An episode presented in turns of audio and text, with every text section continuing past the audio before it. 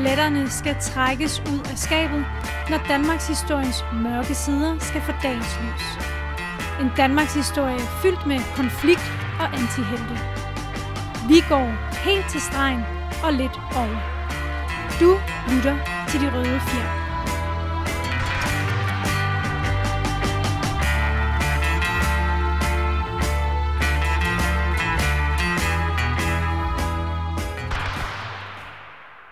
Goddag og velkommen til De Røde Fjer.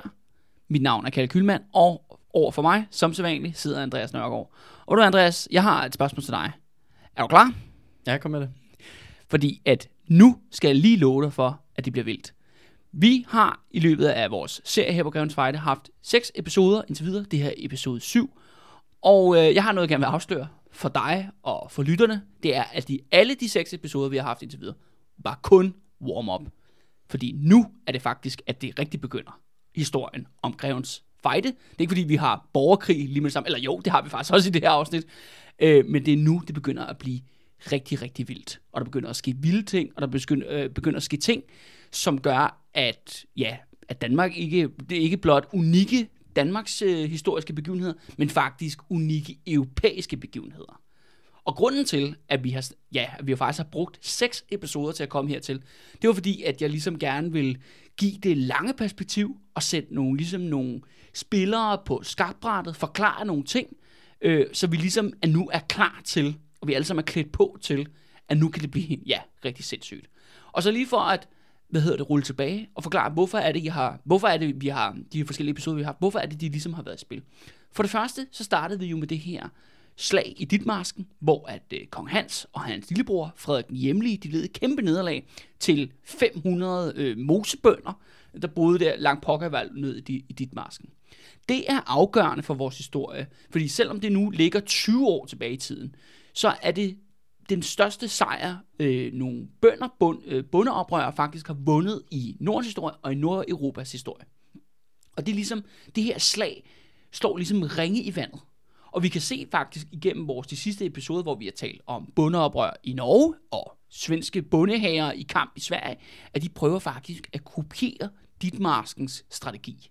Og det er det der med, at Ditmarsken er ligesom en inspiration for den her, for bondeklassen, for bønderne, for de her lave stænder, om at det faktisk kan lade sig gøre at vinde den her sejr. Så det er stadig en kæmpe inspiration her 20 år efter. Ja, det er stadig 20 år, og det er jo ligesom det, er jo det eneste, der er. For på, på sin vis, Andreas, man skal tænke det, øh, ligesom når man snakker historie, så snakker man altid, vender man altid tilbage til 2. verdenskrig eller besættelsen. Det er jo meget naturligt mm. i en dansk kontekst.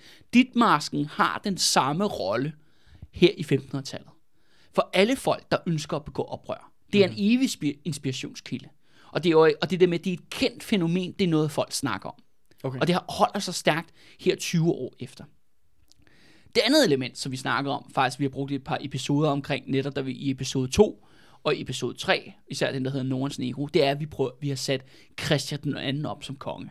Og fordi at den her historie, vi har at gøre med, Andreas, i her i 1500-tallet, på sin vis minder den om øh, rigtig meget sådan traditionel, og jeg vil også sige så lidt kedelig, dansk middelalderhistorie. Du ved, vi har nogle konger, og vi har nogle krige, og vi har nogle prinser og prinsesser, og bla bla, og mm, and on and on, and on, og bunderoprør en gang imellem. On and on and goes. Øh, og der var ikke noget i kortene, der ligesom sagde, at hvorfor skulle Christian den anden blive en anderledes konge end, du ved, de der 50 andre, der har været før ham i, mm. i den her kongerække. Og så alligevel, der sker nogle unikke ting. Og for det første er det hans far, kong øh, Hans Sortsyn.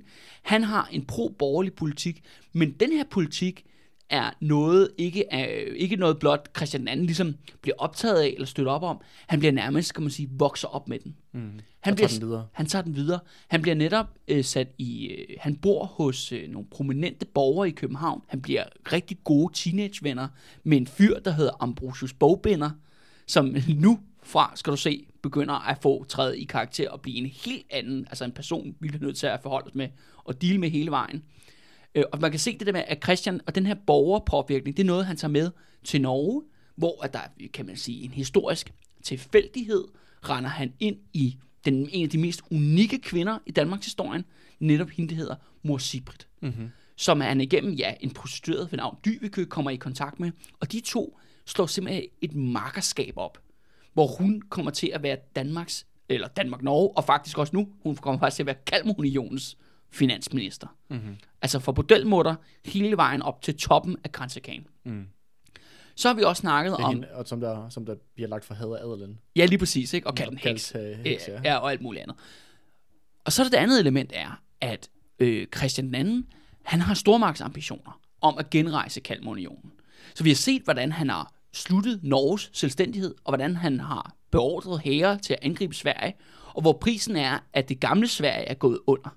Altså det her, det gamle Sverige bygget på valgte ledere og øh, bunde demokratiske traditioner, de har ligesom ledet, øh, ledet et kæmpe nederlag og, og brutal nedslagning, blandt andet i slaget ved Uppsala, som vi snakkede om for to episoder siden, og så til sidst kombinerer med det stokholmske blodbad, hvor Christian II vælger simpelthen at myrde en del af den svenske elite.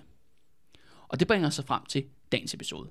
Nu befinder vi os i 1521-1522, og Christian og mor Siprit står jo på magtens tinde. Kalmarunionen er genopstået, og de her to, de skal ligesom lede ind i en ny fremtid. Og det er her allerede nu, Andreas, at det begynder at blive rigtig vildt. For de to, de begynder at indføre en borgerlig revolution fra oven.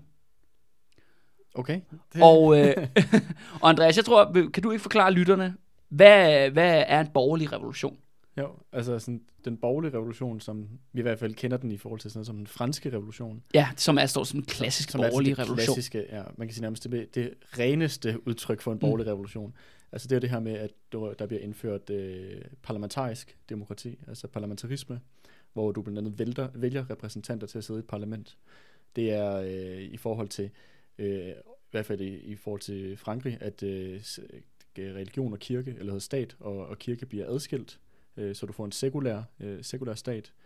Øh, det er, at du får en øh, national stat af de her, eller national, nationalstat af de her, hvad kan man sige, øh, meget sådan arbitrære feudal skæld, som der gør, at, øh, at du for eksempel skal betale, øh, du skal betale øh, 12 af, af din, øh, af din, øh, din vare, hver eneste gang du fragter det og ind i et nyt sovn, for eksempel, Mm. at det bliver adskilt, så der kommer en, en øh, hvad kan man sige, øh, at staten bliver en økonomisk enhed med, med ens øh, afgiftsregler og alt muligt andet inden for det samme område, øh, med et nationalt sprog, altså at, øh, at der kommer til at være en øh, sproggruppe, der dominerer øh, et, et korrekt måde at stave på og snakke på, så at sige.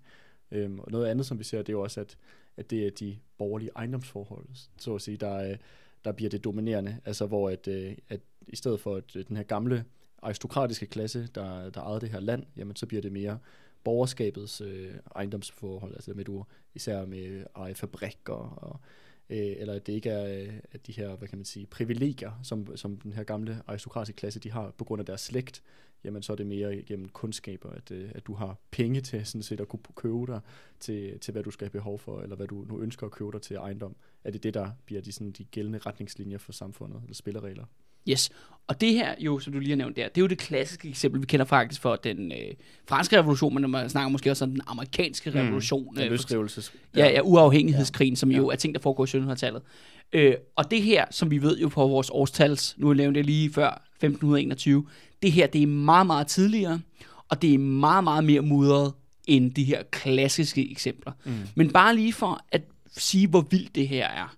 De borgerlige, første borgerlige revolutioner, sådan traditionelt set, når man beskæftiger sig med revolutioner, så er det noget, man begynder at snakke om den hollandske revolution, som også kommer, begynder så småt i 1500-tallet, men egentlig på sin vis først kulminerer i starten af 1600-tallet. Og som også er sådan en uafhængighedskrig mod Det er også mod, ja, øh, det er en spanierne. krig, der varer i 80 år. Ja. Men den krig mod Spanien, den starter først i 1568. Mhm. Og den anden store borgerlige revolution, der kommer efter det, det er den britiske, eller også kendt mm. som den øh, britiske borgerkrig. Og den starter i 1642. Og Ja. det, Det, kan, det er også lige en ting, at i forhold til det her med den borgerlige revolution, og som regel så er det også republikker, at de afføder, altså det her med at væk med, med kongemagten, så at sige, at både den britiske og i den øh, franske revolution, at der blev kongehuset jo øh, fik kappet hovedet af. ja lige præcis, ja ja. Ja, og, og USA løsrive sig sådan set fra kongehuset og blev republik og sådan noget. Og Holland blev faktisk også en republik, Præcis. en handelsrepublik og sådan Ja. ting. Og, og der er vi slet ikke, Andreas. Men det skal også lige siges, den første borgerlige revolution, eller forsøg på en borgerlig revolution, som bliver selvfølgelig meget mudret, fordi der er ingen, der har gjort det før. De ligesom opfinder, trækker ligesom kaninerne selv ud af hatten. Det bliver faktisk Christian den 2. og mor Sibrit. Og det her, det gør lige pludselig, og det her, det er et ufortø, det er ikke sådan, man får præsenteret det i Danmarks historie, hvis du læser dig om det. Det er min konklusion på en baggrund af de øh, hvad hedder det, reformer, de iværksætter efter det stokholmske blodbad. Det er tydeligvis, at Christian II og Mor har nået deres mål. Nu er Sverige ligesom kommet ind tilbage i Kalmarunionen. Den her supermagten er, om man så må sige, back on track, den er på plads, og nu er det på tide at tage det næste skridt. Netop at indføre de indre reformer. Og det første er, kan man sige, at som vi har snakket om før, at de begynder nu aktivt at sætte op den her nordiske handelsliga, baseret på Bergen, København, Malmø og Stockholm. Det andet element er, at de begynder virkelig at øh, planlægge, at øh, de skal genfinde Grønland, og de skal kolonisere videre. De skal finde vejen til Indien. Mm-hmm. De begynder simpelthen at samle penge ind og ud, øh, udruste ekspeditionsskibe. Der bliver udpeget kaptajner og søfolk. Det når ret langt i planlægningen. Og det vil sige, på daværende tidspunkt, der er Grønland sådan en, ja, det har været en del af, ligesom af Norge i middelalderen, eller tidligere, altså i, Jeg skulle i lige sige, 1300. vi er rimelig meget middelalderen. Ja, ja, vi er stadigvæk i middelalderen. øh, men nu, nu, er vi, nu er vi ved at- være renaissance, ikke? Jo, det kan jo. vi godt sige. Når man begynder at snakke om revolutioner, så må man godt også begynde at snakke om renaissance, tænker jeg lidt. Altså, vi har allerede snakket om det. Altså det der med, okay, hvad nu hvis historien var gået anderledes? At det der med, at det var faktisk var lykkedes, og de havde grundlagt en, en nordamerikansk koloni. Men det mest radikale, de faktisk gør, det er, at de indfører en, to nye love, en landlov og en bylov, som gælder så i hele Kalmarunionen. Og, de her, altså, og det er fordi på den her måde, vi er jo stadigvæk i middelalderen, og så det er nærmest at have hver landsdel love. Og det første sted, man indfører det, er faktisk i Danmark. Som, mm. Og det er jo det med, at man har en lov for ja, bønderne, og en lov for byboerne. Ja, og det der med, at du har, at, at, øh, at byerne og landområderne er jo nærmest sådan, de har deres helt separate egne politiske enheder, mere eller mindre.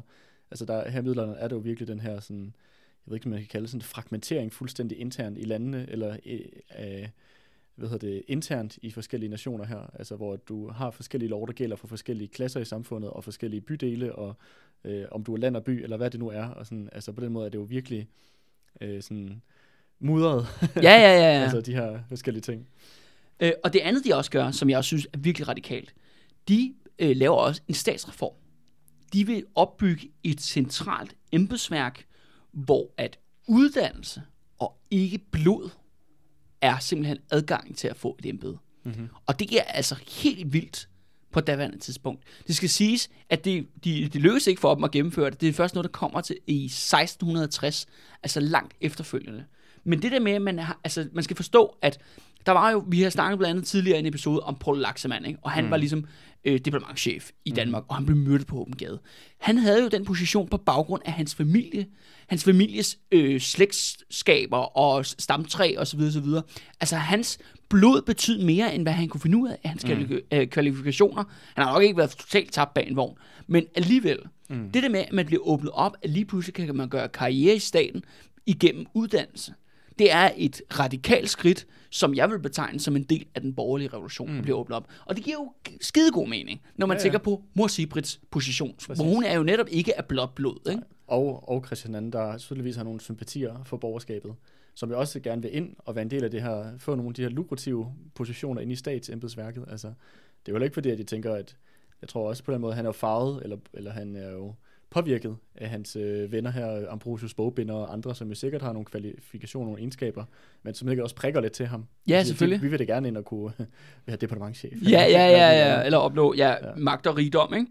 Men det er jo det der med et embedsværk, Andreas. Altså, det er jo, vi er så tidligt på den, ikke? At det der med, at bare med at få det der udgang, uddannelseskrav til embedsværket, det betyder faktisk, at man kan øh, tage de første skridt mod at få en mere velfungerende stat.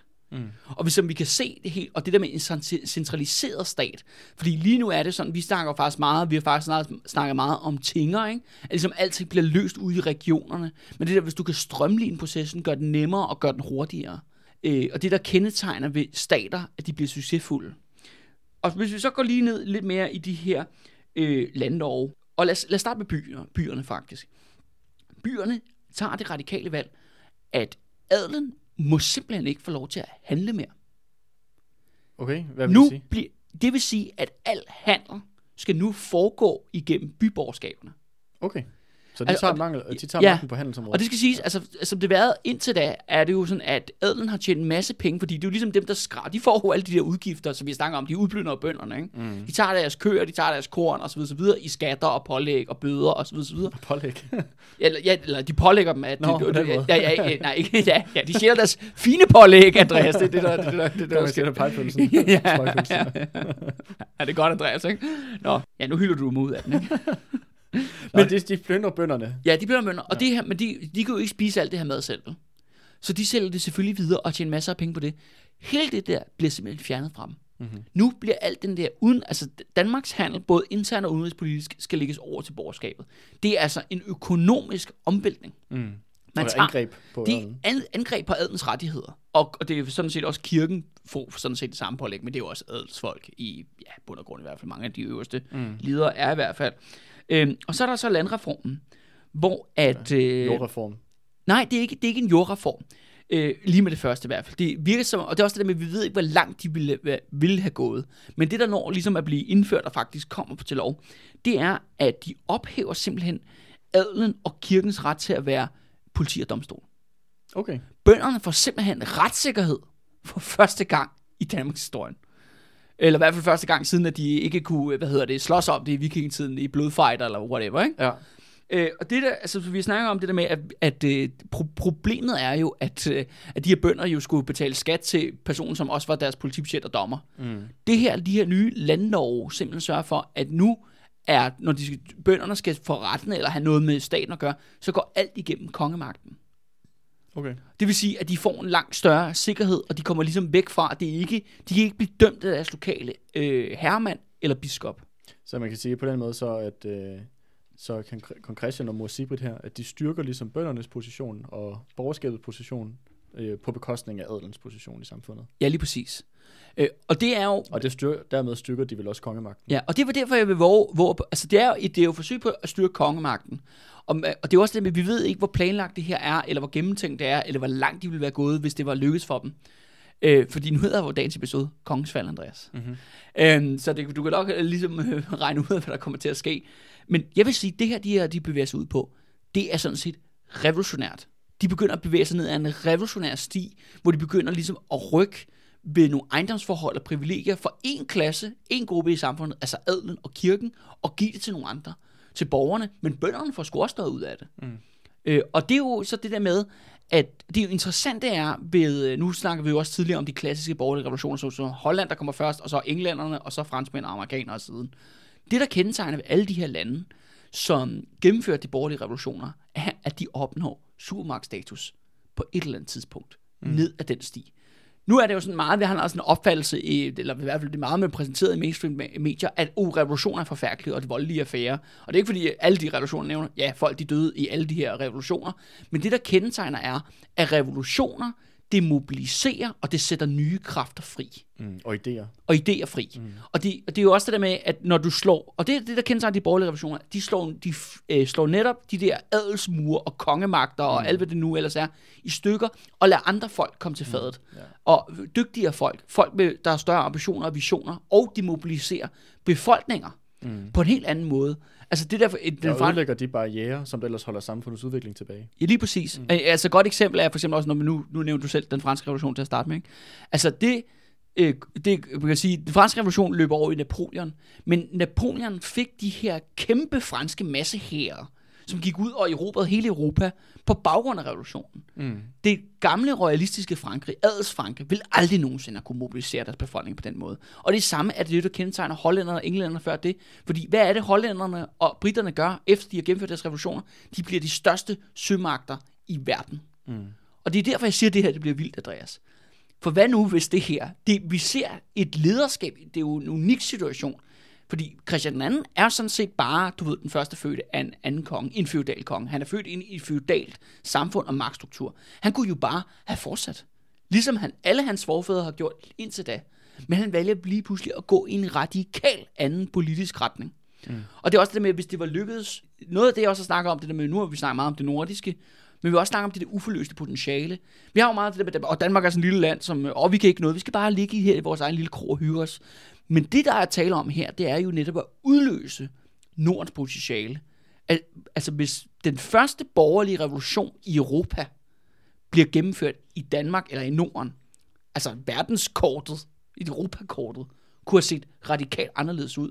Og det drejer, og det er også det der, det mærkelige er, hvor, at, hvor man kan tale om, at, at, øh, at forskellige revolutioner, vi andre vi har nævnt, de, de er drevet frem af forskellige klasser og grupper af folk. Så i det dans, danske, nordiske tilfælde, der er der tale om to personer. Eller du ved, altså Christian II og Mor Sibert, og selvfølgelig, jeg vil også sige måske på tredje øh, rang, sådan en fyr som Ambrosius Bogbinder. Mm. Og- altså borger, og- borgersk, folk Ja, borgerskab. ja øh, højrestående borgerskab i, i København og Malmø, Mm. som også spiller helt klart en rolle i det her spil. Øh, og ligesom også, ja, bejler faktisk til underklassen, til bønderne, ikke? ved mm. også at give sådan, I får også noget ud af det her. Mm. Altså, og de, for, for dem det der med, at de nu ikke længere kan blive pisket af deres herremand. Altså, altså på den måde øh, straffet af dem, det er, jo, det, er jo, det er jo sindssygt for dem. Ikke? Mm. Altså forstår du mere? Det giver dem jo lige pludselig en helt anden følelse af, af, hvad hedder det, af selvrespekt. Ikke? Mm. Men også det, og det gør dem selvfølgelig også meget mere lojale over for kongemagten, fordi ja. det er den, der er ligesom indført. Ikke? Ja, og nu nævnte du selv det der med for eksempel Napoleon, at han jo øh, han havde den der masse her bag sig på et helt andet niveau end nogen anden, nogen sted i Europa på det tidspunkt. Og det er jo også hovedsageligt bønder, bønder, som er villige til at kæmpe i, øh, i de her, øh, øh, ja, det her krigseventyr, på grund af, at de for eksempel for første gang i deres liv har fået jord. Altså det er jo dem, der rent faktisk ejede den jord, de arbejdede på. Altså de havde ja- lavet en jordreform jo i den franske revolution. Altså de havde faktisk noget, noget at kæmpe for, og noget at beskytte, så at sige. Og man kan for eksempel også få, jeg synes, det giver også god mening det her med, at hvis man tænker på øh, Napoleons herre for eksempel, at der øh, at de her folk, som jo havde været villige til at ofre deres liv for det her franske krigseventyr under Napoleon, hvor de erobrede det meste, meste af Europa, at det havde kun, de havde faktisk kun lyst til at hvad kan man sige, kæmpe, fordi de også havde fået noget af revolutionen. Altså de havde fået deres eget jord, hvis du var sådan en lille bonde, som ellers før havde levet under de her feudale forhold, hvor du ellers bare øh, arbejdede øh, der halvt ihjel på en eller anden herremands øh, jord, jamen så havde du faktisk nu fået et stykke jord, som du selv ejede, og som du selv havde en interesse i at både at beskytte og øh, kan man sige, arbejde på, og, og øh, du havde en eller anden form for øh, tillid eller tro til det her, den her revolution, der havde, der havde givet dig noget meget konkret øh, forbedring i, der, i forhold til dit liv. Og det der med, at man har fået noget, man er villig til at kæmpe for det, Andreas, det er jo noget, der bliver rigtig, rigtig vigtigt. Fordi det her, det er jo historien om Grevens Fejde, mm. netop den blodigste borgerkrig i Danmarks historie. Så der kan du nok regne ud, at det ligesom er også et, et setup, der ligesom kommer i spil nu. Du lytter til De Røde Fjer. Så tænker jeg også lige, at øh, vi har faktisk også lige en forspørgsel øh, til lytterne. Mm-hmm. Øh, fordi ja, vi bliver jo støttet på øh, tier. Det er vi rigtig glade for. Ja. Vi er kommet op, vi har rundet de 90, Ja. der støtter os partier. Men det er også fordi mig og Andreas, vi sad og snakkede om, øh, hvordan vi ligesom kunne øh, sætte videre det her projekt. Og så vi har ja, snart, snart gentagende gange nu, må man sige, øh, så handler det jo meget om, om penge. Øh, og der ved vi jo, hvis vi kigger ud på det danske post, post, podcastlandskab. Det er også svært ord. ja, det er utrolig svært ord, også især når man laver det hele tiden, så ja. råder man det rundt i det. Øh, at der er jo mange folk, der har sponsorer. Ja. Øh, og nu er det sådan, at mig og Andreas, vi, øh, ja, vi kender sgu ikke rigtig nogen øh, sådan i den der forretningsverden, eller hvad Nej. skal man kalde det, eller folk, der kunne være interesseret i at få en reklame øh, hos os. Nej, og det er heller ikke, fordi vi kender super mange fede firmaer, vi har lyst til at blive sponsoreret af, for den sags skyld. Men vi kommer bare til at tænke på, at øh, der er jo ret, rigtig mange mennesker, der lytter med. Mange tusinder jo over øh, hele Danmark. Og det kunne sgu da være, at der var nogen af lytterne, der havde lyst til at sponsorere os. Ja. Øh, ikke for, øh, ja, guld og grøn skov, men måske for et eller andet form for rimeligt beløb, Mm. tænker jeg. Øh, eller også, hvis det ikke er dig selv, du ikke sidder selv og er, hvad hedder, I don't know, vin, vinimportør, eller hvad det nu kan være, jamen så kan det være, at du kender nogen, der mm. Kunne være interesseret Ja.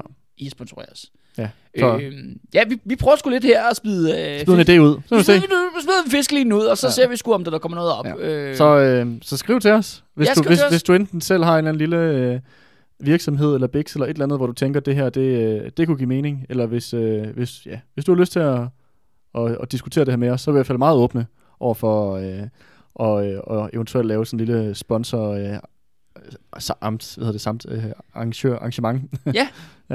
så, øh, så må vi se, hvad der sker, Andreas. Ja. Øh, og nu tilbage til historien.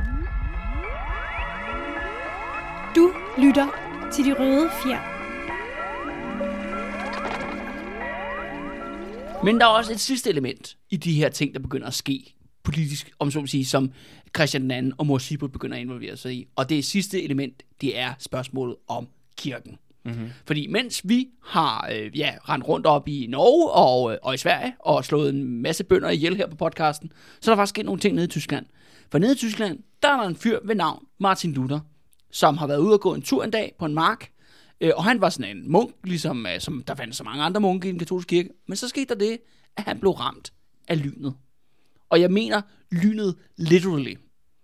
Der er ikke mange, der ved det. Altså, det her med, at, hvordan øh, om den protestantiske tro, hvordan vores kirke bliver ændret, det starter altså simpelthen med, at der går en eller anden knoldespark ud på en mark, og tilfældigvis, jeg ved ikke, han løber under et træ, eller det man ikke må, når der kommer lyn, og så bliver han altså ramt af lynet og overlever. Og det er også det at sige, at det er jo ikke noget, der sker hver dag, men det er jo faktisk også noget, der sker i dag i dag. Ikke? Mm. Men ham her, munken, han vælger at bevare navn Martin Luther, han vælger at tolke det som en religiøs øh, Tegn. ja, ja, at Gud siger til ham, du skal tage dig sammen, ellers får du stød. Og det fører så til, at han begynder at sætte sig ned og begynder at tvivle på en masse, hvad hedder det, ja, han kigger på den her katolske kirke, den multinationale organisation, som er vanvittigt korrupt og har en masse, masse problemer. Og så er det jo så det der med, at han øh, hænger de her teser op. Men det der lyn der, altså, han havde nok, op, han havde nok kunne se de her problemer, inden han blev angiveligt ramt af det her lyn. altså, så det er også lidt sådan en, uh, er det hans egen udlægning, vi fortæller her, eller, Nej, men altså det der med, at han bliver ramt af lyn, den er god nok. Okay. Jeg synes bare, det er meget grin. Altså jo, det er fuldstændig rigtigt, og det er også det, han skriver sig ind i en længere, større debat, hvor der har været i mange år været en debat om, at øh, folk ser kritisk på kirken. Mm. Men efter sine, altså det, han siger, er, ja, det der med, at han blev ramt af lynet, det er en rigtig begivenhed, og det er ligesom, åh, han overlever det, og så får det ligesom, okay, jeg bliver nødt til at gøre et eller andet. Okay. Øh, og det er også det der med, at han har, været, at han har også været ramt af, hvad hedder det, depression, fordi han ligesom, hvor, han var ligesom, okay, han vælger at få et religiøst liv, han vælger at blive munk, altså afskrive sig, om så må sige, jordisk rigdom mm. og, øh, Og så, og han, og så ægteskab. blev han deprimeret, eller var det før Ja, det? nem, nem, så sker der så det, så kommer han ind i øh, klosteret, du ved, han mener, han skal leve, leve for Gud, ikke? Så opdager han bare, at munkene lever i den vildeste luksus. Mm. Og der er masser af damer. Mm-hmm. Og det, og det fører til, at han bliver deprimeret, fordi I didn't sign up for this. Ja, jeg vil ikke have alt den her rigdom. Nej, nej, nej, nej. den her sex. Men hør her, folk er, hør her, det, folk er har kort lunter, Andreas, og de er fanatiske omkring deres tro, ikke? Mm. Du, altså, du skal jo forestille dig, de lever jo i en Taliban-tid, ikke? Alle er medlem af ISIS. Ja. Altså, så, det, så det vil sige, at diskussionen er også på det niveau, ikke? Ja, ja. Men det, der så uslægt gør det, mens han grund og grubler over alle de her ting, simpelthen så ramt lynet, og ligesom får ham til, ligesom efter han, okay, jeg overlever faktisk, så får det faktisk, okay, jeg bliver nødt til at gøre noget ved det konkret. Og det betyder, at han ja, hænger de her, øh, begynder at skrive, udgive pamfletter, som er angreb øh, på kirken. Øh, og det her, øh, ja, og det bliver så udbredt og bliver en kæmpe succes. Også fordi blandt andet det der med, at han skriver jo så på tysk, fordi ja, han er jo tysker Martin Luther, men han skriver faktisk på sit eget sprog, og det vil sige, at debatten, fordi flere kan læse her i 1500-tallet, den bliver spredt meget mere ud. Alle de her andre kirkedebatter, der har været, altså hvor folk har kritiseret kirken, det er jo alt sammen foregået internt på latin mm. i akademiske cirkler. Det svarer jo lidt til, at du ved, du går jo også på universitetet, Andreas, ikke? Altså, der er en masse, øh, der er en masse lortediskussioner på universitetet, som, hvor akademikere, de sidder og snakker med hinanden og diskuterer frem og tilbage. Men det har jo ikke noget med resten af samfundet at gøre. Overhovedet ikke. Det er noget, der foregår i en total låst en boble derude på universitetet, eller inde på universitetet, eller fanden du går på universitetet hen. Mm. Men lige pludselig har vi faktisk en, om man så må sige, en akademisk diskussion, som lige pludselig bliver... Eller gejsle, eller Ja, eller en teologisk diskussion, ja. ikke? Men problemet er lidt, at teologi er også samfundsfag på det her tidspunkt. Teologi er alting. Ja. Der, der findes ikke videnskab. Og politik. Og i politik. Ja, ja. Altså, alle fag. Biologi, øh, geografi, øh, teologi er alt. Mm. Det, det, det forstår når man læser teologi, så læser man hele, og hvis man har læst lidt i Bibelen, så ved man også, at den handler fandme om mange forskellige ting. Mm. Så du kan jo vælge fuldstændig, hvad for en retning du har lyst til at gå i med det her. Mm. Øh, både det nye, og det gamle og det nye testamente. Øh, og filosofi, og så videre. Så, øh, altså det at forstå, at det er det hele, og så lige pludselig tager du den her akademiske diskussion, og gør den, om så at sige, mere folkelig, ved at skrive i, øh, på et sprog, flere mennesker forstår, mm. helt konkret, og så også stilen, det bliver skrevet i. Mm. Fordi han jo netop, han bringer øh, jo kritik ind. Du ved, han er skarp i sin tone, ikke? Han er polemisk. Det, det der med, at han holder ikke igen Martin Luther, ikke? Han sviner jo også nogle af de der paver, paver og biskopper til, ikke? Og, men det skal så siges jo, at for ham er det jo også en proces. Han starter med sådan at være kritisk, og bliver så mere og mere kritisk, ikke? Altså, for det er også ligesom et spor. Han bliver ligesom, øh, han bliver gejlet op af, øh, hvor godt det går, ikke? Hvor godt hans skrifter bliver modtaget. Mm. Og det er jo også noget, det finder jo vejen, hele vejen til toppen. Altså også altså Christian den anden, og Mor Sibrit begynder altså også at læse Luther. Ligesom mm. så ri- rigtig mange hertuger og konger og hvad det nu ellers er. Øh, og folk i kirken, de begynder også at læse det. Mm-hmm. Ja. Men det er jo sjovt, fordi at, altså, i Danmark, der, når man hører omkring reformationen, så bliver det, li- så bliver det lidt ligesom her. Så er det lidt, du ved, der er Luther, og det er ligesom ham, der åbner ballet. Ja. Men der har været, han, han er jo, hvad kan man sige, han er jo, han er jo kulmination på en proces, der allerede var i gang. Altså, Ja. du havde jo også, du havde også andre, altså nogle oprør inter, internt i den katolske kirke. Øh, der var, jeg kan ikke huske, hvad de hed. Der er Jan Hus øh, i uh, Tyrkiet, ja, som er før, præcis, præcis. som Og også er en protestantisk... Øh, Præcis. ja, men han var jo også en bondeoprørsleder. Præcis. Og der er også de der i Frankrig, jeg, jeg kan ikke huske, hvad det de hedder. Huguenot. Nej, de hedder noget andet. Ja. Ja, men der er, de hedder et eller andet Ja. ja. lidt fjollet. Ja. Men der er også sådan en gruppe i Frankrig også. Altså sådan, der, er- der er nogle forskellige sådan, man kan næsten se det ligesom sådan en gryde, der begynder at koge. At lige før det ligesom begynder rigtig at koge, så begynder der at komme bobler op. Og der er ligesom, og i længere tid kan man sige, der er de her små bobler ligesom kommet op til overfladen. Men jeg kan sige, med Luthers tekster her, at der sætter man ligesom, der kommer den helt op på fuld kog nu. Den her gryde her opstår og... Øh, Jeg tror også, Stemmer. forskellen er i modsætning til nogle af de Og andre det, du, eksempler, du lige nævnte der, Andreas. Luther er jo første gang, hvor det her øh, brud med den katolske kirke får faktisk fat i medlemmer af eliten. Mm. Det tror jeg er en vigtig pointe. det er rigtigt. Hvor at det der med Jan Hus, som vi nævnte, som vi faktisk er, han ligger faktisk i 1400-tallet, sidste mm. halvdel af 1400-tallet, i Tyrkiet jo, det er jo bønderne og borgernes, øh, mm. Og det bliver oprørt, så bliver slået meget, meget blodigt ned. Ja, ja. Og, du, og Øhm. du har jo også senere ham der, øh, ham der Thomas Münster. Ja, han kommer faktisk lige bagefter Luther. Ja. Ham kommer vi til at snakke lidt mere om senere, Andreas. Okay, så, så ham, lad- ham, lad ham, lad for lad- nu. Lad os snakke om ham. Ja, så, men, det- men det er bare for at sige, at det der med, at lige pludselig, altså, Ja, der der det er kommer... rigtigt. Luther, han er, den, han er en af de første, hvor han er faktisk også får et, hans idéer får et gel, genklang blandt den daværende elite. Ja, og det er jo blandt andet det der med, at han begynder også at tale om det der med, at at, øh, at, at man ikke skal være styret af det her øh, pavelige, øh, af paven og det her byråkrati, som udspringer fra Rom. Og det er egentlig de nationale herskere, der skal bestemme over deres nationale kirker, og det skal være på det nationale sprog.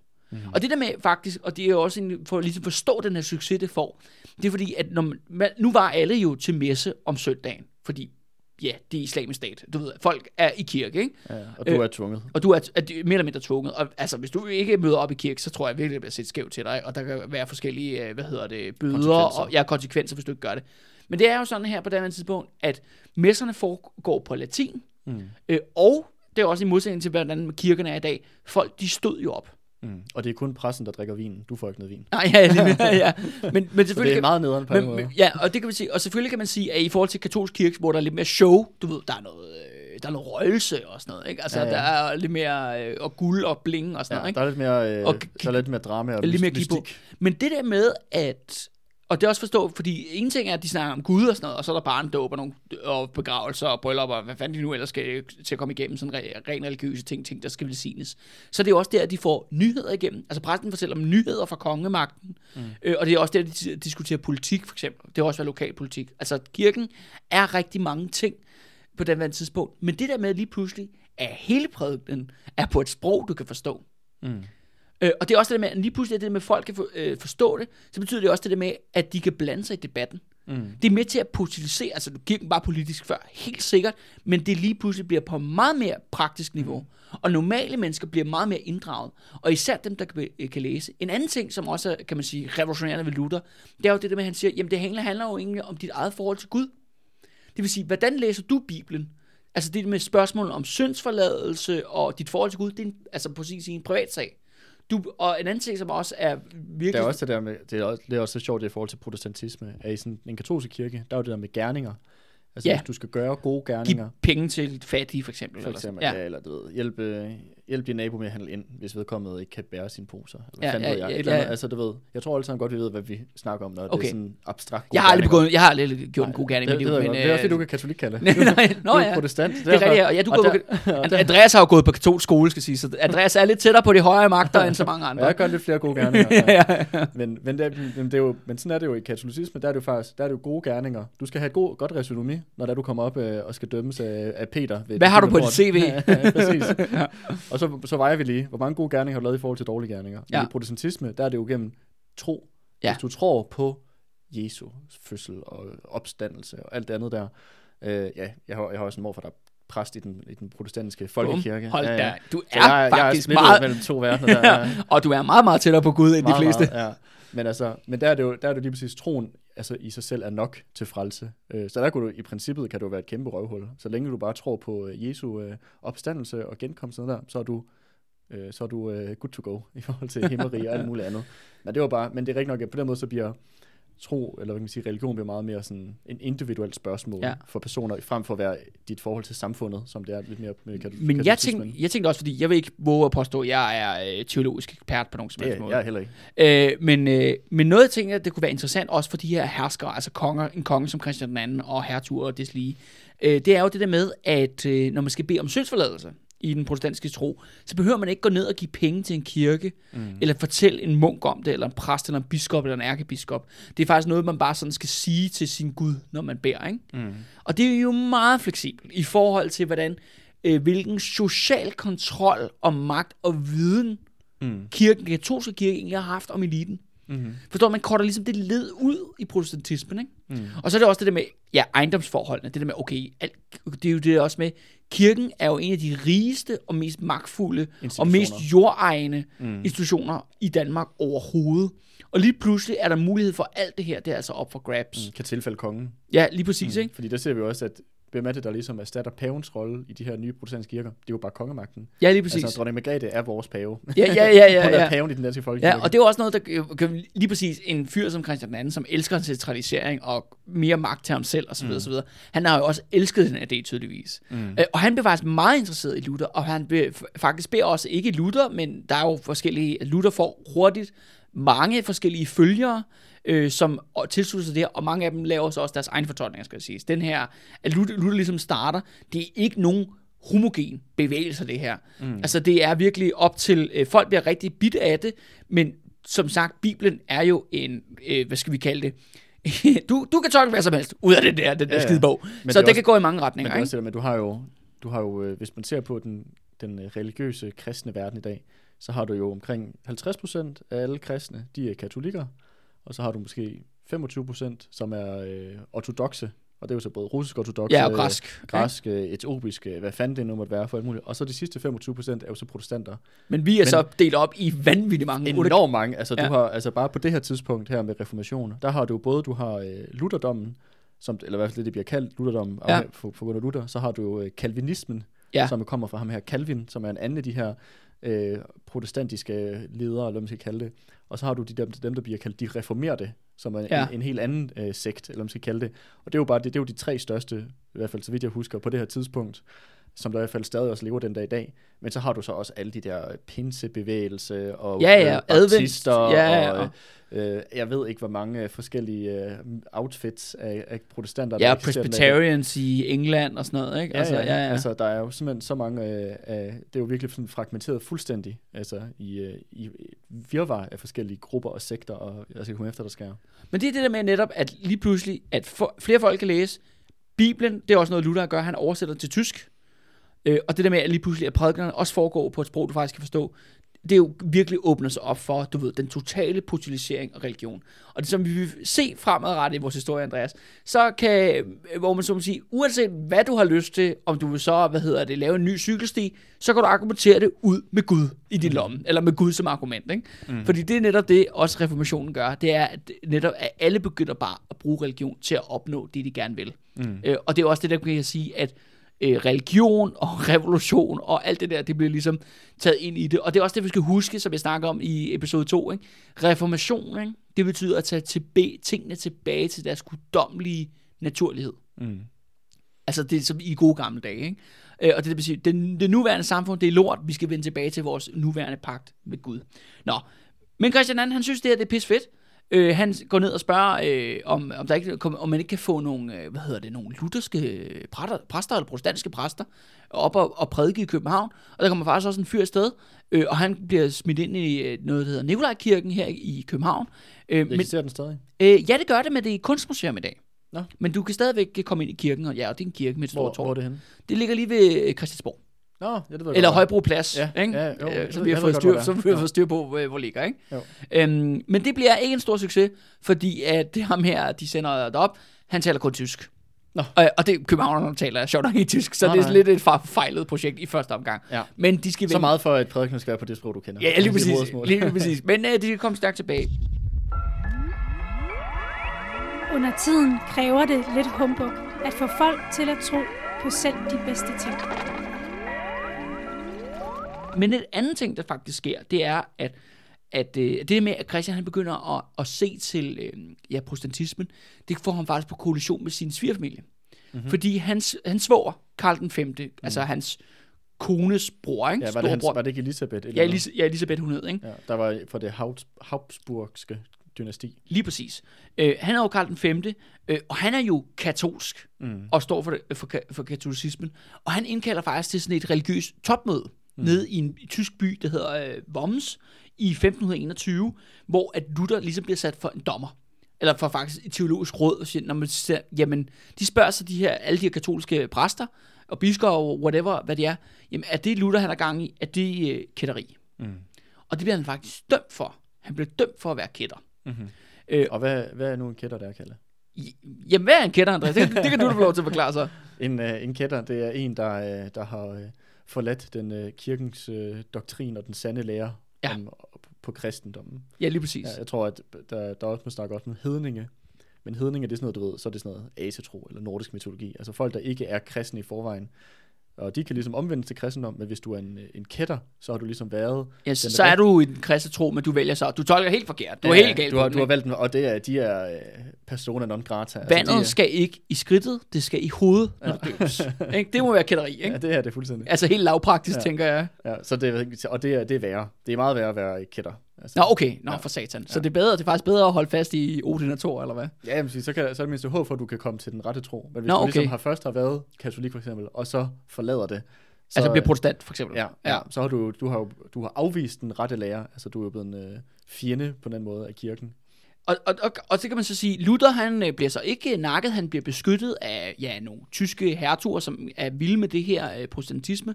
Men det her topmøde i Worms, det er ret interessant, fordi nu er det på tide, at vi introducerer øh, to nye personer, mm-hmm. som bliver meget, meget vigtige lige om lidt, og i resten af vores historie.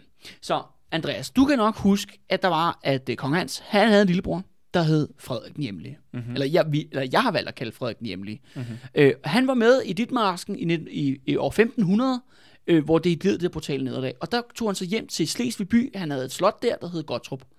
Øh, og der kom han faktisk ikke ud af i de næste 20 år. Nej. Fordi han, øh, det var sådan her med Frederik, øh, Frederik ja, den hjemlige, at øh, han var bare vild med at være derhjemme. Mm-hmm. Altså han elskede sit slot øh, øh, øh, og han, men han var ligesom, kan man sige, han var jo sle, hertug af Holsten, og derfor er han ligesom en mægtig aktør.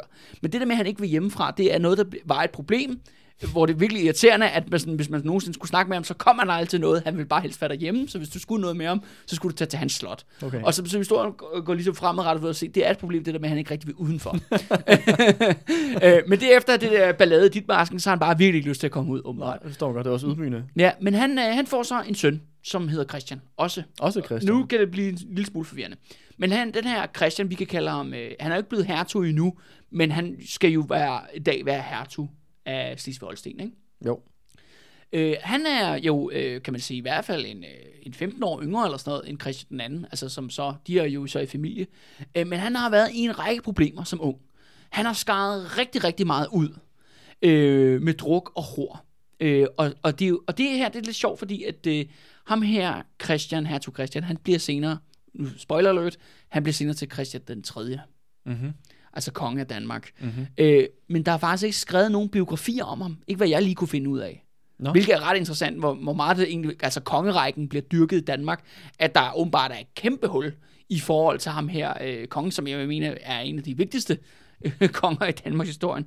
Især netop i den her, den her periode i 1500-tallet, især øh, udover, kan man sige, Christian anden. Tror du, det er bevidst, at der ikke er beskrevet noget? Jamen, jamen, det er måske også noget spørgsmål om kilder og sådan nogle ting. Øh, men, det, men lige for at vende tilbage til det med, at han ligesom skar ud af problemer. Øh, fordi at det er noget med, at han, han ligger blandet i clinch med en masse biskopper. Kirken er efter ham, altså lokale biskopper nede i, i Sønderjylland faktisk, altså i Slesvig. Mm-hmm. Øh, biskoppen af Ribe blandt andet har en kæmpe stor problem med. Øh, øh, og så er der hele tiden et spørgsmål, om, om de snakker om, at man skal ud seksuelt, og så videre, så videre.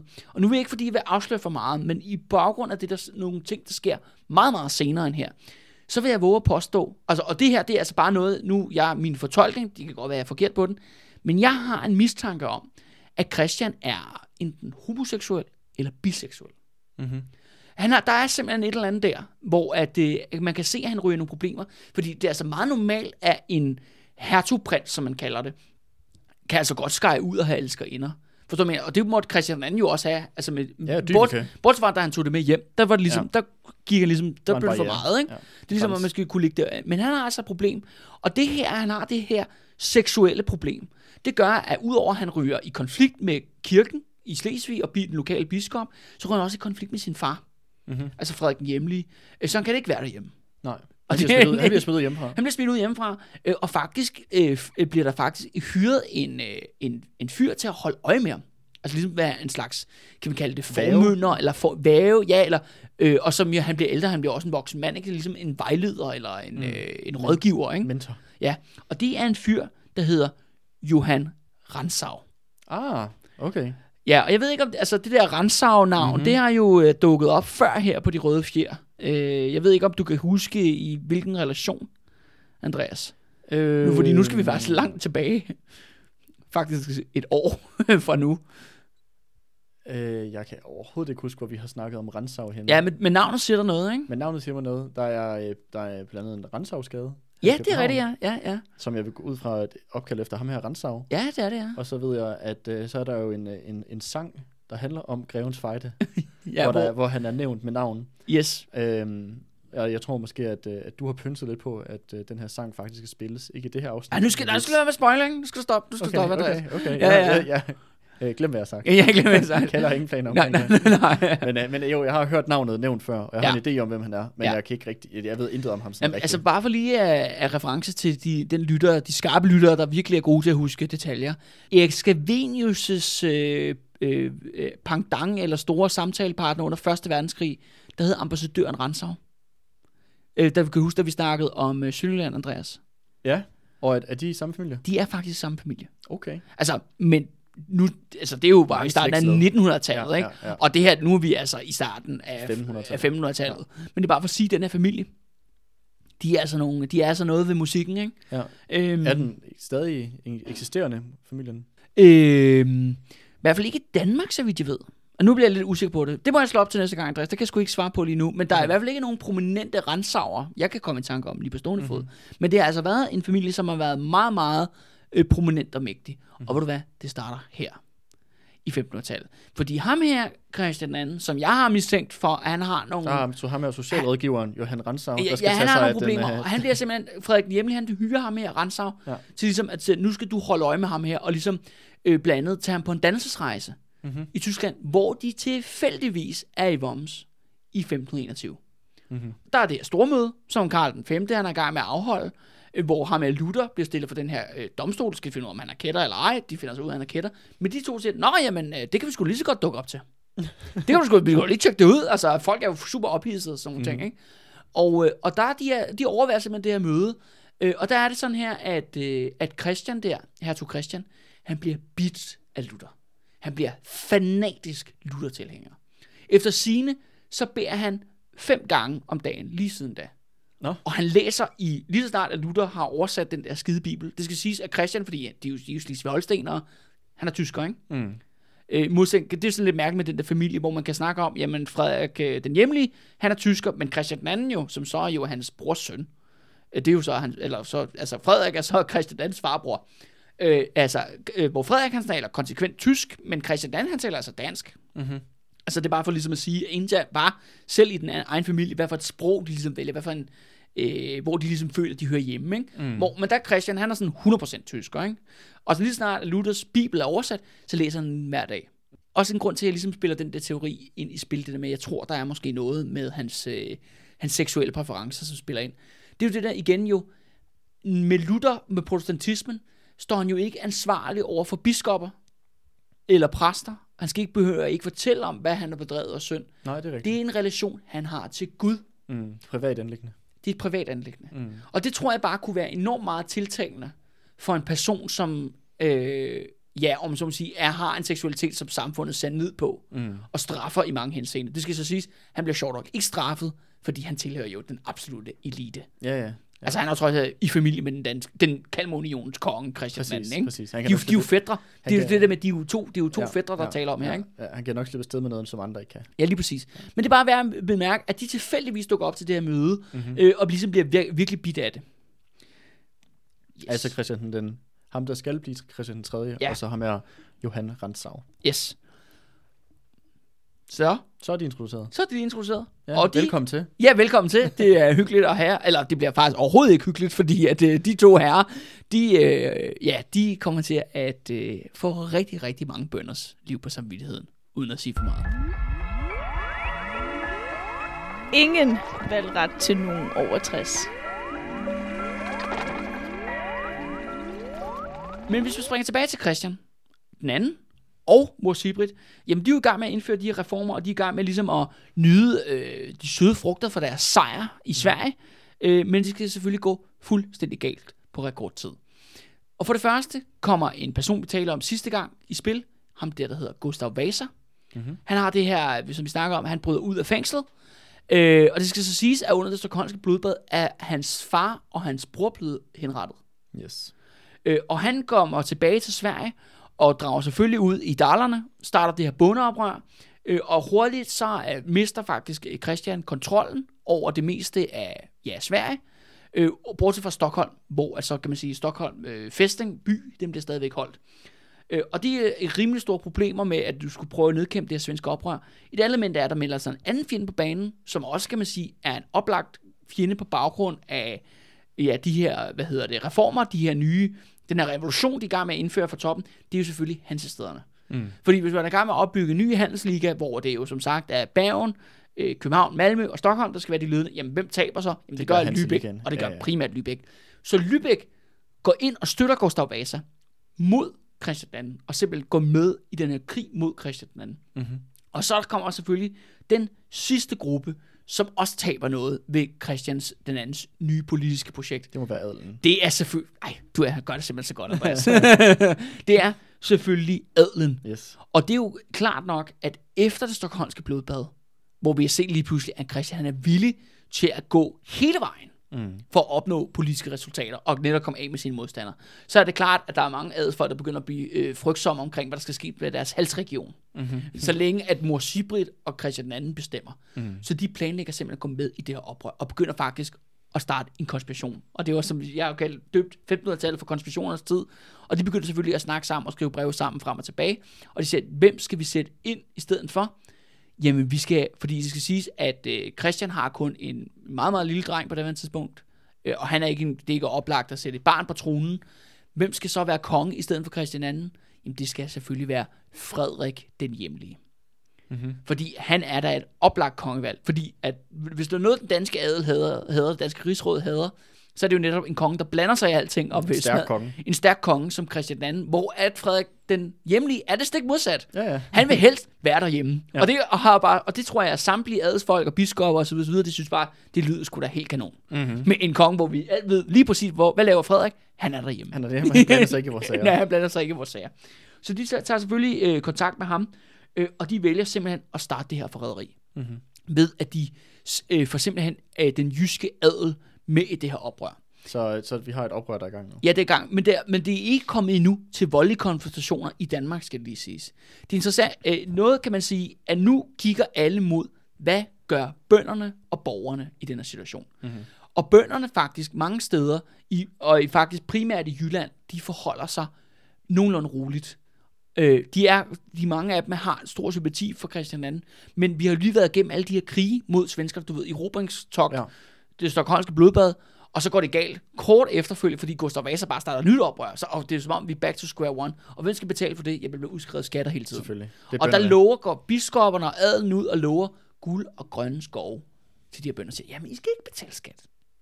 I, I, slut, det, I skal ikke betale skat, når Frederik Hjemmelig kommer til. Han er derhjemme jo. Han har jo brug for mm. de penge. Ja, han behøver ikke at lave de her kriser. Nej, nej han, han vil bare passe sig selv og sit slot, ikke? Ja. Øh, Så de forholder sig i ro. Og så er der så den Eller her... passiv, kan man sige. Ja, eller passiv. Så er der så den her historie, som er ligesom blevet, kan man sige, en myte om Christian den anden. Har du nogensinde hørt det der med, at han skulle ro over Lillebælt en hel dag, hvor han Nej. ikke kan bestemme sig, hvad der skal ske? Han hedder Johannes V. Jensen, og han har skrevet en skønlitterær bog om Christian II, der hedder Kongens Fald. Og i på den, der snakker han om, at, øh, fordi der er det der, vi har talt om det før, da vi ligesom skulle give sådan en, hvad, sådan personkarakteristik af, af Christian II, at det, han er sådan, øh, du ved, vælgesindet, ikke? Han kan ikke finde ud af, hvad han, han kan ikke beslutte sig. Det synes jeg overhovedet ikke er det, der er mit indtryk af ham.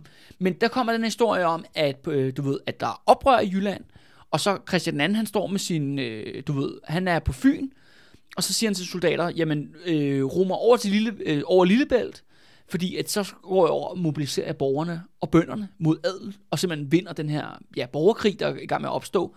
Eller, og, eller så tænker han, nej, nej, nej, jeg skal ro tilbage, jeg skal tilbage og ligesom prøve at se, om jeg kan mobilisere øh, mine svigerforældre. Altså, du ved, eller faktisk hans svoger, Karl 5. Øh, og, og københavnerne og sjællanderne. Og så siges det, at han, han sejles frem og tilbage i den der robåd. Og det er blevet sådan et stærkt billede, som der er mange, der sådan har portrætteret igennem Danmarks historie. Okay.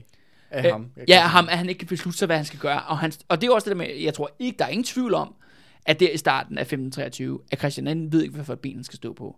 Fordi at lige, altså, du ved, han er jo påbegyndt den her, som jeg ser det, en borgerlig revolution i Danmark.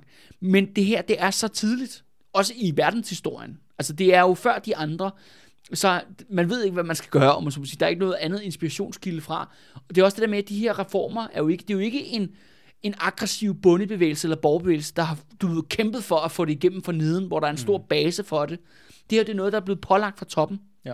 Så det er lig- ligesom om, at det tager noget tid, før det her begynder ligesom at sive ned og mobilisere befolkningen. Mm. Mm. Det virker også lidt til, at lige nu der er det mest bare Christian den anden og mor Sebrit Lige mod, præcis. mod adelen. Og, Og Gustav ikke- Vasa og Lübeck, ikke? Ja, præcis. lige pludselig er der jo legnet op med fjender rundt omkring ham. Men der vil jeg jo så argumentere for, altså, og det er også derfor, der er blevet ført, fremført det her argument af, jamen Christian II's politiske projekt var dømt til at gå fejl. Han var dømt som en fejlslået konge i det, han havde gang i, fordi han simpelthen skabte sig for mange fjender mm. på, på en gang. Og det er selvfølgelig en rigtig god og valid pointe, men der vil jeg jo så modargumentere, Andreas, som vi snakker om før i starten om revolutioner.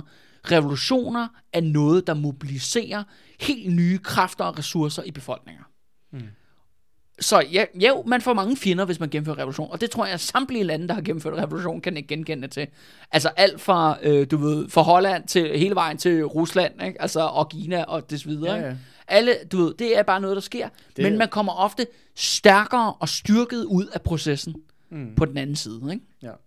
Men det virker måske også til, at, øh, at, at jeg ved ikke, man skal, om man skal tænke, altså når vi, når vi kommer til de andre borgerlige revolutioner, så er vi alligevel lidt længere henne i forhold til historien og i samfundsudviklingen, hvor at måske har Christian II og Mors Ribet også bevæget sig lidt for hurtigt. They jump the gun too fast, eller? Ja, det, Tænker, det tænker jeg altså i forhold til den her øh, borgerklasse, som er jo forholdsvis ny på det tidspunkt. Ja, nærmest blevet skabt under kong Hans, ikke? En Ja. øh, små øh, 20 år før, ikke? Altså. Præcis. Altså jeg tænker også bare på, om der er sådan en støttepille i samfundet, og der, måske deres magtbase er også for svag i sig selv til, at, at det her projekt ville kunne lykkes. Øhm, fordi hvis vi, når vi først vi når til den franske revolution og andre, så er det jo klart, at der er borgerne, der har de allerede fået den økonomiske magt i samfundet på, i, på et helt andet niveau, end, end hvad der i hvert fald virker til at være tilfældet her i Danmark, hvor det stadig er meget adelen, der sidder på den Ja. politiske og økonomiske magt i samfundet. Ja. Øh, og det vil du være, Andreas, det er en, en skide god pointe, fordi det var måske præcis det også det, Christian han tænkte på. Fordi det, vælge, det ender faktisk med, hvis han var ude og sejle på Lillebælt, det, Lillebælt, det kan vi sgu ikke rigtig sige så meget om, øh, faktisk i henhold til de historiske kilder, men det her Johannes V. Jensens billede har ligesom skabt sig en eller anden idé om, at det er ligesom det afgørende døgn i Christian II's liv. Men han vælger i hvert fald ikke at komme til Jylland. Han tager ikke til Jylland, han tager tilbage til København, og i København, der tager han ombord på et skib. Han siger til Ambrosius Bogbinder og alle de andre støtter, han har, han tager mor Sibert med, jeg tager til Holland og får fat i min svoger. Mm-hmm. Jeg tager simpelthen til, han har jo den her stærke alliance med det Habsburgske dynasti, de bliver nødt til at hjælpe mig med soldater og penge osv. osv. Jeg skal nok komme tilbage. Hold ud, hold ud, hold ud. Mm-hmm. Og så betyder det jo så, at for første gang i over 20 år, forlader Frederik den hjemlige sin bolig, Gottorp, og tager på, øh, du ved, op til øh, Viborg, og bliver kronet som konge af Danmark. Og han bliver til Frederik den første. Så lad os lige, lad os lige øh, være med på, hvad der sker her. Christian II forlader Danmark for Ja, at få Han drager assistance. simpelthen i eksil, du. Ja, sammen med mor Sibrit. Ja. Så han, han tager, Og sin familie. Ja. ja, så han tager, til, han tager til Holland for at få assistance, og i mellemtiden, mens han er væk, der er det så det her oprør, at de udnævner øh, Frederik den Hjemlige, som der så bliver nu Frederik den Første. Ja. Okay, men København er så ikke indtaget. Gået. Nej. Og det der faktisk sker er, at han jo så Frederik, altså Frederik, det er jo første gang, han er ude i lang tid. Mm. Så han skal ikke så langt. Han, det, han er jo meget utryg om Ja, alt det, der sker. Ikke? Ja. Men han kommer først til Viborg. Øh, og indtil der, der har jo adelen og kirken og alle mulige lovet bønderne guld og grøn skov. Men en led i den her kroning, der foregår i Viborg, er Frederik den første. Det er et ikke særlig glamorøst sted at blive kronet som konge i Viborg. Nej, men det, det, det meget normalt, at man bliver kronet til konge forskellige steder, men det er også meningen, at man skal til Norge og blive kronet der. Okay. Det er sådan ligesom, at man bliver kronet i forskellige... Flere gange? Ja, Okay. for eksempel på Sjælland er det faktisk Ringsted, man bliver kronet. Ja, okay. I Skåne er det Lund, og i Jylland, altså, altså hvad er Nordjylland, så er det Viborg, ikke? og så er der faktisk også et sted i Slesvig, man bliver kronet. Det har jeg så lige glemt. Mm-hmm. Eller nej, det bliver man jo hertug, så det er lidt noget andet. Ja, okay. Men du ved, Anyway. ja, og, i Norge, og man skal også til Norge, man skal også lige til Oslo, eller man skal til Trondheim jo, og blive kronet i Trondheim. Mm-hmm. Og hvis man i Sverige skal man kronet i Så, Stockholm. så, du, Ja. så, så, i stedet for Så, det giver kronet- rigtig god mening, at han gør det. Så i stedet for, at man bliver kronet en gang, så bliver man kronet flere gange Ja. i forbindelse med de forskellige Ja. ja. regioner. Ja, og der er jo ikke noget internet, Andreas. Men der skal man ellers fortælle folk, at de har fået en ny konge, ikke? Det er rigtigt. Han bliver lige nødt til at stille sig op på en stor sten, så man ligesom, åh gud, det er ham der. Ja. Det er ham, det er ham jeg skal, ham, jeg skal arbejde som en sindssyg for de næste, de næste Der 20 er ham, år. der, der, er ham, der stjæler min mad. Ja, lige præcis. Ikke? Så, Så man det, kan, så man kan sige, at Frederik Nemlig, han er så blevet en konge af Nordjylland på det tidspunkt. ja, han er blevet kronet som konge, ja. Ja, men Christian II er reelt stadig konge i de provinser, som Christian... Ja, hvor han ikke er blevet anerkendt endnu. Ja, Ja. præcis. Ja. Men Det der... konkurrerende konger. ja, men det der faktisk også sker, der sker noget ret vigtigt i Viborg, at lige så snart, at øh, om så må sige, Frederik er blevet hyldet til at blive konge, så starter adelen et kæmpestort bål på det her tinge. Og så tager de alle de her nye love, som mor Sibrit og Christian II har gennemført, altså bylov, den nye bylov og den nye landlov, og så brænder de dem. Mm-hmm. Og hvem tror der, der står og kigger på, mens det sker?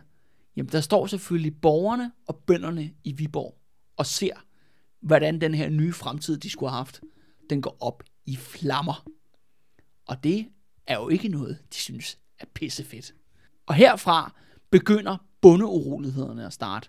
Og nu har vi, nu har vi haft en konspiration i eliten om at indsætte Christian, eller undskyld, Frederik den første på Danmarks trone. Det er jo sådan set lykkedes i Jylland. Men nu er der nogle andre konspirationer, der bliver iværksat. Netop bøndernes gilder begynder at tale sammen. Borgerne begynder at tale sammen. Start, snakker om, at der ikke, øh, om ikke skal starte et oprør. Den her urostemning begynder at sprede sig ud over hele Danmark. Men Frederik den første, han har et S og det er netop hans, øh, hvad hedder det, udulige søn, eller hvad skal vi kalde det, partysønnen der, Christian den 3. Hans rådgiver, Johannes Ransau, er tilfældigvis, eller ikke tilfældigvis, måske helt bevidst, er han faktisk Nordens førende general. Han er simpelthen en mand, der har dedikeret hele sit liv til militærtræning. Mm-hmm. Og han leder simpelthen øh, adelen i Jylland, samler han her, sætter over til Fyn. Johannes, øh, Johannes Ransau leder den her her. Frederik den første er med. Christian, Christian Hertug Christian, den kommende hertug Christian, mm-hmm. er med. Og de underlægger sig Fyn, og de tager videre over til Sjælland. Okay. Men det, der sker, det er, at både København og Malmø, de nægter at anerkende Frederik den første som konge. Og de der to byer bliver så belejret. Mm-hmm. Altså, de lukker simpelthen deres porte og siger, vi holder ud. Man kan forestille sig selvfølgelig en fyr som Ambrosius Ambrosius Bog, Bogbinder, ja. Ambrosius Bogbinder er ledende om at sige, at vi skal bare holde ud. Og fordi at Christian, den anden i Holland, han bliver ved med at sende beskeder, hold ud, hold ud. Jeg er ved, min svigerfamilie kommer lige om lidt og giver mig en masse penge. Jeg leger en masse soldater, jeg kommer op med 10.000 mand, og så vælger vi alle de der forrædere mm. øh, af pinden. Og en anden ting, han er, gør, at han øh, beordrer også en række, hvad hedder det, sørøver, skibere, pirater, til at ligesom at blive aktive i, om, at- om at angribe, øh, hvad hedder det, ja, skibsfarten, lybækkerne og Frederiks øh, flådefolk osv. osv. Skal vi, skal vi give en eller anden form for navn, den der alliance af Lübecker og adelige og sådan noget? Så, så vi ved, hvad det, så vi kan med, giver det mening? Øh, ja, men problemet er lidt, Andreas, altså vi går videre, historien, hvor alliancen skifter rigtig meget og rigtig okay, hurtigt i den her situation. men vi kan godt kalde det, altså den her fraktion, vi har nu, Mm-hmm. altså vi har, der er tydeligt... Kan vi ikke kalde dem reaktionen? Jo, det kan vi sagtens. Fordi det er jo dem, de prøver at forhindre nogle øh, hvad kan man sige, fremskridt i at, i at ske. Ja. Så de prøver ligesom at trække håndbremsen. De prøver nemlig, ja, det kan man godt, ja, det kan man ja. godt sige. Og der har vi jo ligesom, den anden gruppering er jo så, øh, problemet er jo, Andreas, at det er jo det her, jeg synes, det er godt ligesom at prøve at dele det op i nogle fraktioner, så det gør det ligesom nemmere for os at håndtere og snakke om, og, mm. og billedligt og forestille os.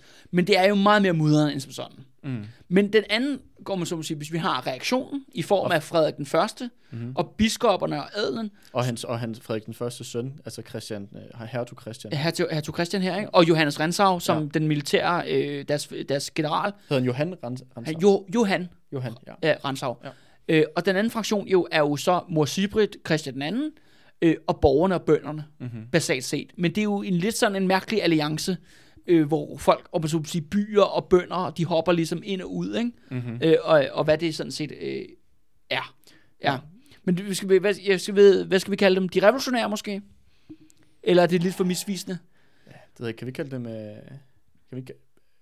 Jo, vi, for, Måske, jo, måske, måske skulle vi kalde det borger-bonde-alliancen, måske. ja, eller sådan Borger- noget. og Bondealliancen, så har vi, vi har de, de reaktionære, Ja. og så har vi Borger- og Bondealliancen. Ja, Ja. borger-bonde-alliancen. Eller vi kan kalde den The Power Couple. Det lyder, Altså, som, det jo lyder som et politisk parti, vi kunne starte også to, Andreas. ja. Ja. jeg er fra København, ikke? og du er fra Kolding Borg og Bondealliancen. Here we come, ikke? Nå, Jo, men lad os, lad os gøre det. okay, skal vi, det. skal vi holde os til det så? Ja. Ja, det gør vi. Kunsten er ikke at gå på værtshus. Nej, kunsten er vel nærmest at gå derfra. Reaktionen, de kommer, om, ja, de kommer så i land i, på Sjælland, øh, og øh, de belejrer så de her to byer, der holder ud. Øh, ja, kan man sige, Christian Anden, han mobiliserer de her skibere. Der er nogle, øh, øh, nogle pirater, de opererer faktisk fra Gotland, som er blevet, øh, bliver ved med at være lojal over for Christian II, og du ved sådan set haver i Østersøen. Og så får han en række andre pirater, som med base på Skotlands kyst, kan have, du ved, den jyske kyst ned i Kattegat, men faktisk også langt den norske kyst. Samtidig bliver han ved med at overstrømme Danmark med agenter. Altså folk, der simpelthen drager incognito ind mm-hmm. i landet. Og det er dem her, der begynder at sprede de her digte, eller øh, vers eller rim, hvor, kan du huske i sidste afsnit, jeg snakkede om, at de bønder begynder at omtale ham som ørnen. Mm-hmm. De har sådan et, øh, de har sådan en, et, et, et digt, eller rim, eller hvad skal vi kalde det, hvor at de netop snakkede bare, frygt alle småfugle, nu øh, høne, de kommer og dræber jer. Høne er tydeligvis adlen og biskoppen, mm-hmm. men bare vent, kongeørnen kommer. Mm-hmm. Og det er jo meget, meget sådan dårligt skjult Propaganda. ja, propaganda for det Ja. her. Men det er jo lidt mere sådan, nå, hvis der står jo nogle, jeg ved ikke, nogle adelige, eller nogle biskop, eller whatever, eller nogle legesoldater, og hører en eller anden, og hvad står de der? De der er bare om fugle. Nå, okay, fint nok, ikke? Nå, det er fugleentusiaster, ikke? så det er lidt ligesom øh, køre, så ligesom at sige det med, at Christians agenter, og hans netværk af konspirationer rundt omkring i de danske provinsbyer osv., osv., de er ligesom, de er i spil hele tiden, og de kører, mm. de holder gryden i kog. Men mens, kan man sige, at den her belejring, den foregår øh, af, af... København. Ja, og det skal siges, det er sådan lidt, fordi at, at, øh, at Johan Rensau, han har faktisk ikke styrker nok, han har ikke rigtig mange soldater nok til at lave en effektiv belejring. Mm. Du ved, det er sådan lidt go loose, og der er ikke så mange dræbte og sådan nogle ting. Men til gengæld begynder at komme bundeuroligheder på Sjælland. Mm-hmm. Faktisk begynder bønderne at samle sig i massivt antal i Ringsted. Ja. Og det de faktisk er, det er ikke fordi, at de har nogle våben med og sådan nogle ting, men det virker ikke som om, det er mere som om, de mødes for at øh, diskutere, hvad der skal ske. Mm. Men der er Johannes Ransau virkelig hurtigt på aftrækkeren. Han sender sit rytteri derned med det samme, og simpelthen begynder simpelthen at splitte den her mængde op, og, og folk begynder at blive dræbt i det her store møde af bønder, der mødes i Ringsted ved, på Tinge i Ringsted. Og faktisk ender det med, at en masse bønder, der begynder at sætte sig til mod, de bliver drevet ind på Ringsted Kirkegård, og der bliver de fuldstændig massakreret. Okay. Altså et blodbad. Og ved du hvad? Og det, Så vi ser, så vi ser her, hvordan er reaktionen, og så den her borger bundealliance at de har, altså... øh, Det er sådan first blood, vil jeg ja, Ja, sige. Det er ja. det her, den her massakre på Ringsted Kirkegård. Ja. Øh, og det, jeg kan desværre ikke gå i mere detaljer, fordi kilden fortæller simpelthen ikke mere, mm. end det, jeg lige har fortalt der. Mm-hmm. Øh, men der har jeg kunnet allerede se, der har vi ligesom den første, første bunderejsning. Ikke? Voldshandling i det her. Ja, ja, voldshandling på, ligesom på, på Christian den andens øh, side her. Ikke? Mm-hmm. Øh, og faktisk fortæller kilderne også, at, at den eneste måde, de kan ligesom bibeholde kontrollen på Sjælland og i Skåne, det er ved, at de har ryttere, der rider konstant rundt. Mm. Altså simpelthen legesoldatrytter eller adelige ryttere, som rider rundt i samtlige landsbyer og holder øje med, hvad er det gang i, ikke? Mm. Er I gang med at lave oprør? Fordi så nakker vi jer, ikke? Mm-hmm. Øh, og der er, Så stop. Ja, så, så, så, så stop, stop, hvad I er gang i, ikke? Mhm. Øh, men det ender faktisk med, som at, øh, at øh, det, tiden går, at Christian kommer ikke. Hvor bliver forstærkningen af? Hvor er Christian hen? Han kommer simpelthen ikke. Og så på et eller andet tidspunkt, jamen så i efter faktisk syv måneders belejring, så er øh, København og Malmø, jamen vi har ikke mere mad nu, altså, og vi har ikke lyst til, at vores befolkning sulter, så vi overgiver os. Mm. Så de anerkender faktisk, de åbner portene, og Frederik den Første kommer ind, og bliver faktisk også hyldet som konge af, ja, i København og i, Malmø, og i Lund i Skåne. Og han er sådan set blevet konge, øh, ja, over hele, ja, hele Danmark. Så, øhm, så der kan man sige, at, at Christian, Christian den anden her, han har mistet sin, sin magtbase. Ja, Altså, som bare men han er jo så stadig, men det er jo også huske, vigtigt at huske det, Andreas, han er stadigvæk en faktor. Ja, Han er bare i Holland, ja. og der er han hele tiden, han bliver ved med at sige, vent lidt endnu, vent lidt endnu. Men hvad er der sket? Hvorfor det, han har været så langsom? Jamen, det, det han render ind i, er simpelthen, at hans svigerfamilie ikke vil give ham penge. Okay. Men altså, man kan sige, at hans svigerfamilie er også den mægtigste feudale sådan, ja, hvad hedder det, monarki i hele Europa. Ja, Det kan godt være, at de heller ikke måske er helt vilde med de her reformer, han er i gang med at lave. nej, og det er også en anden, og en anden ting, de også er heller ikke særlig vilde med, det er det der med, at han begynder at flirte så meget med Luther. Præcis. De står jo, altså Karl den 5. har lige dømt Luther til at være kætter. ja, præcis. Eller få år tidligere, ikke? Ja. Øh, har dømt ham for at være kætter, og Christian II flirter åbenlyst med ham. Mm. Det er altså ikke særlig heldigt for den her politiske magtalliance. Og det andet er, at Karl den 5. han har faktisk pissetravlt. Øh, han ligger i krig med øh, Frankrig, og, øh, og så angriber tyrkerne også.